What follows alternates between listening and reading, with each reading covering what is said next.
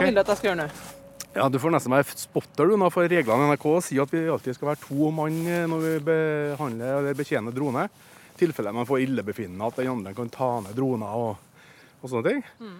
Mitt navn er Kristin Norvoll Mork, og du kjenner meg kanskje best som programleder og reporter i Kurier, men nå har jeg plutselig fått meg deltidsjobb som spotter. Så da er det å få på seg en gul vest. Og så skal du se at det ikke kommer noe andre luftfartøy i nærheten, og at droner følger med droner hele tida, så de ikke kjører seg bort i noen trær og ledninger og sånne ting. Og så er det med også der det er publikum, da, så er de jo ofte nysgjerrig. Mm. Ja, da er det ofte da, spotteren sin jobb å på en høflig måte sørge for at de ikke forstyrrer piloten. da. Morten Andersen er til daglig fotograf og videojournalist hos NRK Trøndelag, og innimellom dronefotograf. Skal vi gå et lite stikk tilbake? Sånn. Litt tilbake her, ja. Da.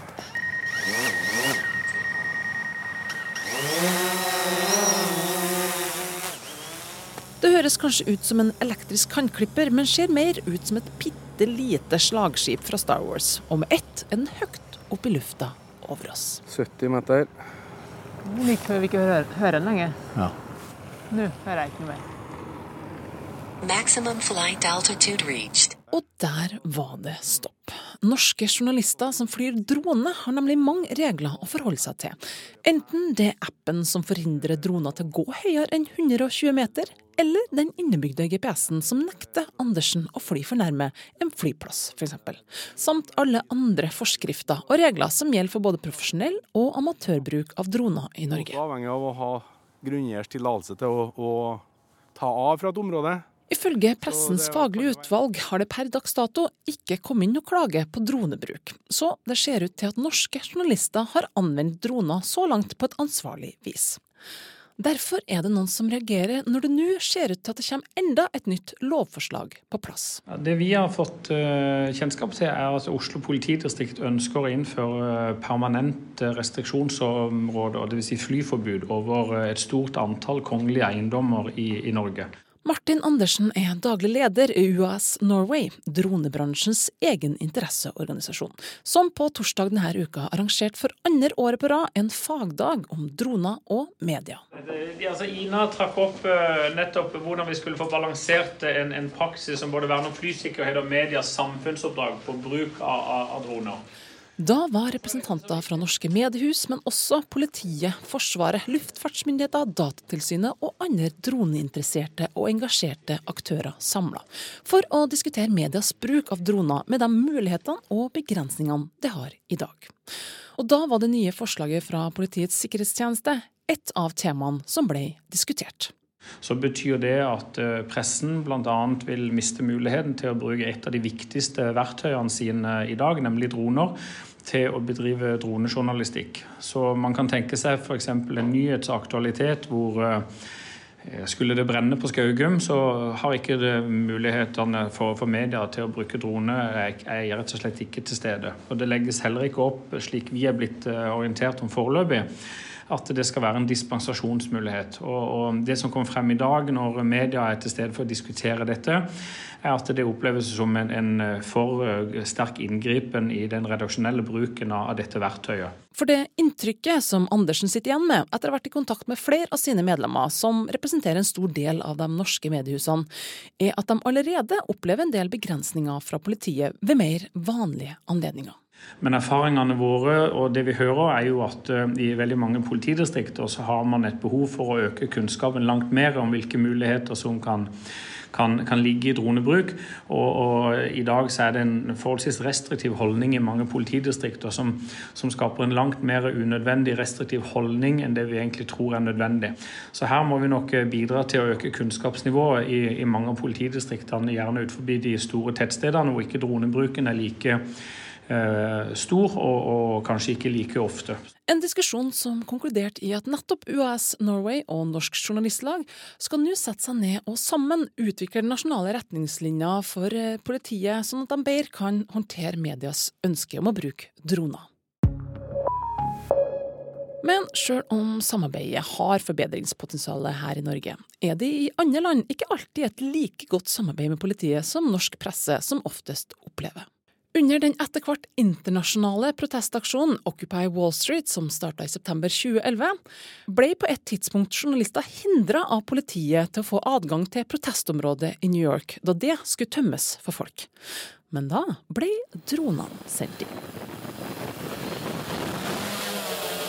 Og det jeg ikke visste akkurat da, men jeg sensa det, det var at det her var en historisk eh, hendelse, fordi at her var det altså noen smarte unge aktivister i New York som ved hjelp av enklere medier hadde greid å bygge sine egne droner som de styrte med sine egne mobiler, og dermed kunne kringkaste live om hva som skjedde på innsida til hele verden.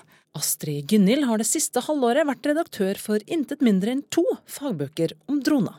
En interesse som plutselig oppsto under et studieopphold i USA nettopp høsten 2011. Det var store konfrontasjoner mellom de her aktivistene og politiet. Men jeg fant veldig lite stoff om dette her eh, i de vanlige nyhetskanalene på TV og i aviser.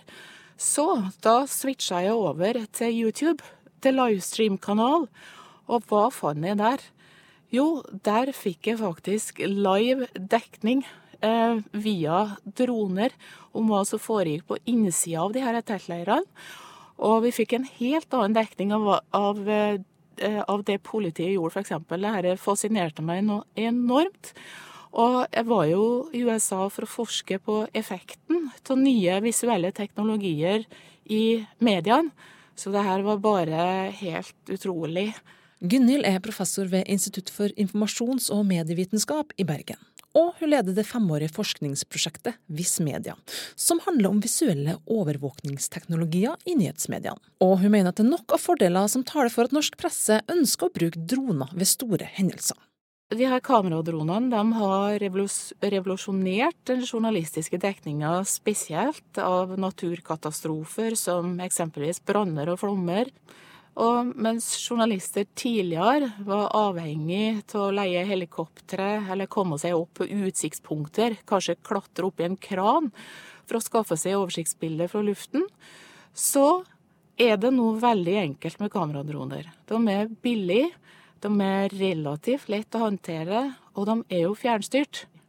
Eh, det betyr at journalister kan nå skaffe til veie visuelt materiale uten å måtte måte utsette seg sjøl for stor fare i ulike situasjoner. Dette gjelder jo også i forhold til terror og krigsdekning. Gunhild har gitt ut boka 'Responsible Drone Journalism'.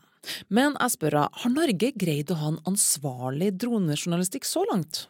Jeg tror kanskje at det som skjedde under Lærdalsplanen for noen år siden, gjorde at de norske mediehusene um, fort la seg på en veldig forsiktig linje. Den gangen handla det om at VG kjøpte og la ut en amatørvideo fra en drone som filma denne brannen. Og så ble det uenighet om de der luftbårne videoklippene som ble lagt ut, var tatt innafor eller utafor flyforbudssonen som politiet hadde laga. Og det ble mye debatt i etterkant. Um, blant annet demonstrerte vel denne denne episoden nå til det problematiske med fjernstyring av droner. Nemlig at det kan være veldig vanskelig å finne ut hvem piloten er, og hvilket ærend piloten er ute i. Så tror jeg at eh, de største utfordringene kanskje ligger i den store flommen av droneklipp, droneklipp utenfra som mediehusene får tilbud om. Altså alle profesjonelle eh, vet jo eh, utmerket at det er ikke lov til å filme nærmere enn fem kilometer fra en, fra en flyplass, f.eks. Men så regner man jo med at det finnes over 200 000 droner i omløp i Norge allerede nå. Og bare et fåtall av de her dronepilotene er jo profesjonelle, eller er registrert som profesjonelle aktører. Og ansvarlig leder for TV 2 Luftfoto, Ingebrigt Lunde, kan bekrefte at det har vært en del tilbud av materiale fra såkalte amatører. Når drone, dette dronefenomenet startet opp, så fikk vi egentlig mye mer tilbud enn det vi gjør i dag. Og En av grunnene til det er at vi har jobbet veldig mye for å ansvarliggjøre de som sitter i redaksjonen og tar imot eh, disse tilbudene. Eh, sånn at det er bestilt en del motkrav. For at vi skal kunne kjøpe dette, så er, må jo det være profesjonelle fotografer som har en minimum RO1-godkjenning og har en eh, forsikring og alt i orden. Um, og da kan de levere bilder til oss eller selge oss bilder ut fra profesjonelle opptak. Så er det unntak i forhold til det, og det er jo gjerne det at hvis noen, en amatørfotograf, altså noen som bare filmer for hobby og ikke har noen RO-sertifisering, men bare gjør dette en hobby, hvis de har bilder som er helt eksepsjonelle og som egentlig griper veldig inn i den situasjonen som er i Norge, gjerne det at det har et veldig sterkt eh, medieuttrykk, så kan vi kjøpe de bildene, og det kan de selge til oss, eller gi til oss, eh, i ett tilfelle. Altså dette kan ikke være en vane, dette er noe de kan gi i hvert tilfelle. Og I sånne tilfeller så bruker vi de bildene, men ellers er det veldig ofte at, uh, at disse tilbudene egentlig koker bort i kålen. egentlig. TV 2 ønsker også å ha en proff tilnærming til dronejournalistikk. og Derfor har de spesialisert kun 15 av de 50 fotografene de har i TV 2. Og det er jo for å holde et høyt nivå på de som gjør jobbene. Dvs. Si at de skal vite om alle disse forskjellige faktorene som spiller inn. Og de skal også være klar over hva som er innenfor og utenfor, og så skal de være trent til å gjøre de forskjellige oppdragene også, altså ha nok flytimer. Og Derfor har vi begrenset dette på en, på en liten gruppe. Mm, du sier innafor og utafor. Er det et klart skille, eller kommer det litt an på situasjon og hendelse? Det kommer veldig an på situasjonen, og, og dette er jo først og fremst et redaktøransvar. Eh, og det er det som avgjør egentlig hva vi gjør eller eventuelt ikke gjør. Og vi er veldig opptatt av å være innenfor loven når, vi gjør det vi gjør, så det, dette ligger jo som en sterk føring i det hele. Mm. Greier dere å bukke over de vanskeligste utfordringene fordi dere er godt drilla og fordi dere holder dere til lovverket, eller oppstår det situasjoner der det blir litt vanskelig òg for profesjonelle journalister? Nei, Stort sett så klarer vi å, å identifisere mye av disse tingene før de oppstår. Det vil si at før vi går i luften i det hele tatt, så gjør vi gjerne et, en analyse av hvilket oppdrag vi skal gjøre, hvordan vi skal fly, hvilken vektor som vi skal fly parallelt med det som foregår, på hvilken avstand osv. Så, videre. så Så veldig mye av dette identifiseres også. Og når det gjelder åsteder, eller hvis det har vært et ras, hvis det har vært en forbrytelse eller, eller andre forhold som spiller inn, sånn sett, så er det også etter avklaring med de myndighet, myndighetene som er til stede der. Så vi avtaler på forhånd veldig ofte hvordan vi skal gjøre selve oppdraget, hvordan vi skal løse det så er vi veldig opptatt av at vi går ikke inn på veldig mye detaljer. Altså det vil si Vi ønsker ikke å vise noen spesielle ting, altså detaljer med, med dronebildene vi har. Vi ønsker oversiktsbilder for å vise situasjonen og for å vise området der vi befinner oss i. Og I første rekke så er det det som er eh, formålet med dronebildene brukt i media i dag.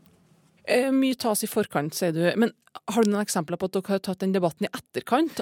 Eh, helt i begynnelsen når vi startet opp dette, så var det en situasjon der noen hadde tatt et bilde i forbindelse med et naturprogram vi skulle lage, eh, som viste seg å være innenfor en vernesone.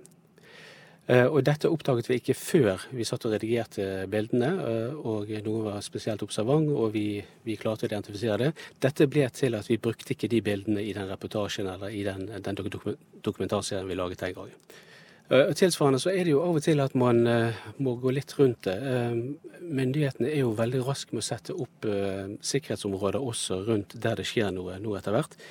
Og Et eksempel som er ganske nylig, det er jo denne, dette fregatthavariet. Der det ble en kolossalt stor vernesone rundt, altså på en nautisk mil rundt hele området.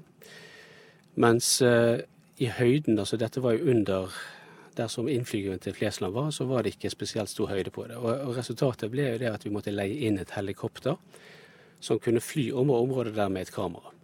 Så paradoksalt nok så var det mulig, men eh, det å fly drone nærmere var, var i dette tilfellet ikke mulig. Så får vi se om de nasjonale retningslinjene i fremtida gjør det enklere for Morten i NRK Luftfoto å få lov til å fly med drona si når han skal ut i distriktene. Du hører på Kurier i NRK P2, og i ukas utgave av Mediepanelet snakker vi om dobbeltdrapet i Trondheim, der dommen falt nå på tirsdag. En dom som skapte uvanlig store reaksjoner i rettssalen. Men først, la oss gå litt tilbake i tid. To personer er alvorlig skadd etter at en person skal ha utøvd grov vold på en privat adresse i Prinsens gate i Trondheim sentrum. En tredje person er lettere skadd. Politi og ambulanse 17.9.2018 skjer det her tragiske dobbeltdrapet i Trondheim sentrum. Og det blir snart tydelig at det her er en alvorlig hendelse, som dere i NRK Trøndelag skulle dekke, Merete Verstad. Du er distriktsredaktør. Hvilke utfordringer har denne saken bydd på for dere? Jo, det er selvsagt uh, flere. For dette handler jo uh, om unge folk. Uh, det handler om enslige asylsøkere. Men vi har jo aldri vært i tvil om at dette er en sak med stor nyhetsverdi. nettopp fordi at det er et dobbeltdrap midt i Trondheim sentrum. Og det har også det bakteppet at dette er unge, enslige asylsøkere. Mm. Hva er de vanskeligste diskusjonene som dere eh, har hatt pga. denne saken i redaksjonen? Det er bildebruk. Ehm, vi har jo ansvar for eh, TV, nett og radio når sånne ting skjer i Trøndelag, både riks og lokalt. Eh, og det er klart hvor tett på, hvor detaljert skal man være i bildebruken. Og det var jo særlig utfordrende nå denne uka, da dommen falt, og vi var til stede eh, og fikk en meget sterk, uvanlig reaksjon eh, i en norsk rettssal. Da foreldrene til en av de drepte reagerte veldig på dommen. Og vi var der, og vi filma det. Eh, og da fikk vi mange diskusjoner om hvordan vi skulle bruke det materialet. Dobbeltdrapsmannen er dømt til tvungent psykisk helsevern. De pårørende til drepte Reza Alisada er i opprør over at den dømte ikke blir sendt i fengsel. Legehjelp og etter hvert ambulanse kom raskt på plass for å ta vare på mora. Hvordan tenkte dere da, når eh, dere skulle vurdere vinklinga og fokus i denne reportasjen som ble sendt på 19 Nytt og på Dagsrevyen? Nei, altså det var jo en sterk uh, reaksjon. Uvanlig en norsk, uh, i en norsk uh, rettssal, men vi valgte jo å sende deler av det. vi sladda ansiktene på foreldrene, så de ikke ble så gjenkjent. Men vi valgte å gjøre det fordi vi mener at det var deres måte å reagere på denne dommen på, og det har de sin fulle rett til. Eh, og det er klart at det er uvanlig fordi at de kommer fra en kultur som er mye mer følelsesmessig. Mm. Eh, vi har også diskutert en del Hadde vi gjort dette hvis det var et etnisk norsk foreldrepar? Og eh, vi har jo kommet til den konklusjonen at det hadde vi gjort, og det håper jeg virkelig vi hadde gjort, for det var såpass spesielt. Mm. Hans Martin Tømtrud, du er jo nyhetsleder i Dagbladet. og når domsavsigelsen eh, falt, så var ikke dere til stede. Hvordan har deres dekning av denne saken blitt prega av at det har skjedd i Trondheim og ikke Oslo-området? Eh, først og fremst er det en, en, en praktisk utfordring for oss, i og med at vi ikke har et kontor i Trondheim. Men, men eh, både da det skjedde og, og under hvert fall starten av rettssaken, så har vi jo hatt team i Trondheim som, som har dekka det. Eh, det kan nok være slik at vi hadde vært flere dager under rettssalen dersom saken hadde gått i Oslo, men, men eh, det er ikke sikkert heller. Jeg, jeg tror først og fremst det praktisk, eh, en praktisk greie. Mm. Men hvis dere hadde hatt en reporter og fotograf i rettssalen, tror dere at dere ville ha vektlagt denne reaksjonen i like stor grad som NRK og NRK Trøndelag gjorde? Ja, jeg håper det. Altså, altså jeg, vet, jeg, vet jo ikke hvilke altså, omstendighetene Jeg har sett kun dette, dette klippet eller innslaget. Eh, sånn For vår del så tror jeg nok en medvirkning kunne vært blitt avgjørende. Altså at, at bistandsadvokaten eller, eller, familien selv eh, måtte ønsket at dette skulle ut, eller på en måte vi hadde hatt en diskusjon med de. Og Så er det jo selvfølgelig opp til oss å til slutt vurdere eh, om, om, vi skal eh, publisere dette her eller ikke. Eh, Sånn, for mm. vår del, så, så, så, Dette ble gjort anonymt. For vår del så har vi snakka med, med, med, denne familien og, og, vist bilder av dem underveis. Og i forkant og underveis. Så eh, eneste jeg kan liksom tenke meg vi måtte vurdere, var dette med det å plutselig anonymisere noen vi allerede hadde vist ansiktet til. Men dette er en helt ny uh, situasjon, og, og, og, ja, det måtte vi tatt en vurdering på. Det har vi ikke, for så vidt ikke gjort, i og med at vi ikke var der. Men, uh, Men Verstad, du har jo tatt vurderinga. Uh, ja, og det må jo jeg også legge til at vi har jo fått tillatelse ifra forelderen og bistandsadvokaten. Vi snakka jo med dem før vi publiserte dette innslaget, og de syntes det var helt greit. Og også i den TV-reportasjen som ble vist på Dagsrevyen, så er det jo også satt inn i en kontekst. Mm. Mm. Det er jo delvis ganske lange intervju til å være et TV-innslag både med bistandsadvokaten og også aktor, uh, som på en måte anerkjenner denne reaksjonen og har forståelse for at det blir en sånn sterk reaksjon, og forklarer også litt den konteksten, den kulturelle konteksten. Eh, det er helt, helt enig. Og denne saken er løst også veldig fint med akkurat med tanke på det. Altså nettopp den konteksten og, og hvordan, eh, hvordan, det blir forklart. Terje Eidsvåg, eh, nå er jo du, du eh, først og fremst den som dekker kultur og kommentar i eh, Adresseavisa. Men eh, hva tenker du? I denne reportasjen så får vi se både utstyr som blir kasta i bakken i rent sinne, men også ei fortvila mor som blir, får behandlinga av ambulansepersonell.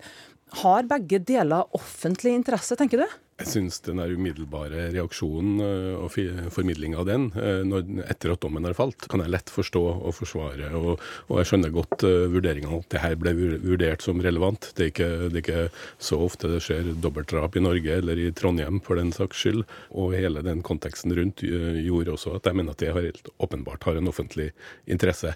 Der jeg kanskje er mer tvilende, er jo hvor lenge den mm. filminga til NRK At de filmer den der raserireaksjonen og mm. PC-en som går Det mener jeg helt åpenbart uh, uh, kan forsvares. Men at også den reportasjen nærmest følger mora inn i sykebilen Du ser, uh, Der er det en del ting som minner om situasjoner man vanligvis ikke har i nyhetsinnslag. Så der, der er jeg mer kritisk til, til, til NRKs vurdering. Adresseavisa har også publisert en, en, video av det samme, som viser den dramatiske reaksjonen eh, etter at uh, dommen har falt. Men, men den stopper før, før, man nærmer seg syk, ambulansepersonal og alt det som kommer etterpå. Så jeg syns nok at de gikk lovlig langt, eller lenger enn de hadde trengt å gjort. Ja. På det.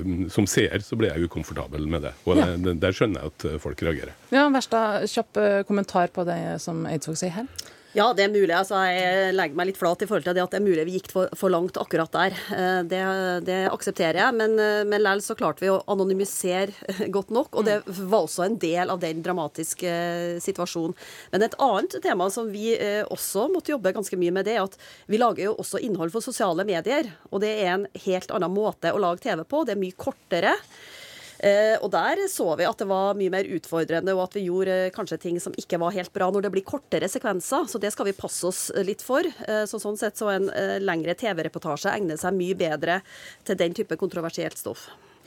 Tømtrud, du har jo bakgrunn som eh, krimreporter. Eh, hvilke spørsmål er det viktig å stille seg sjøl som journalist når man dekker så alvorlige hendelser som et sånt drap?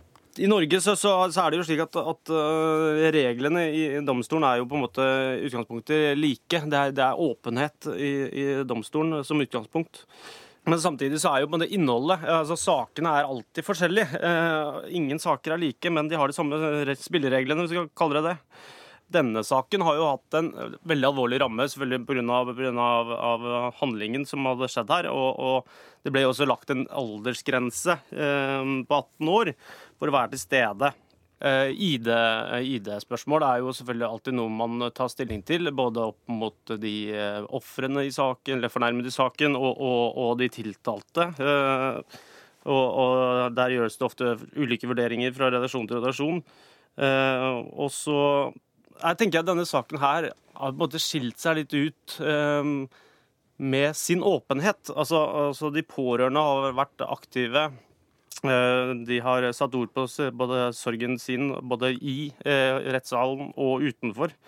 Så er det opp til oss å liksom vurdere hva vi skal, mm. skal eh, publisere ut fra det. da. Det er mye som kan sies om denne saken, men det her må bli siste ord i denne omgangen av Mediepanelet. Takk til Merete Verstad, Terje Eidsvåg og Hans Martin Tømterud. Tekniker i dag var Morten Lyen, produsent Lars Erik Ertsgaard Ringen, og mitt navn er Kristin Norvoll Mork.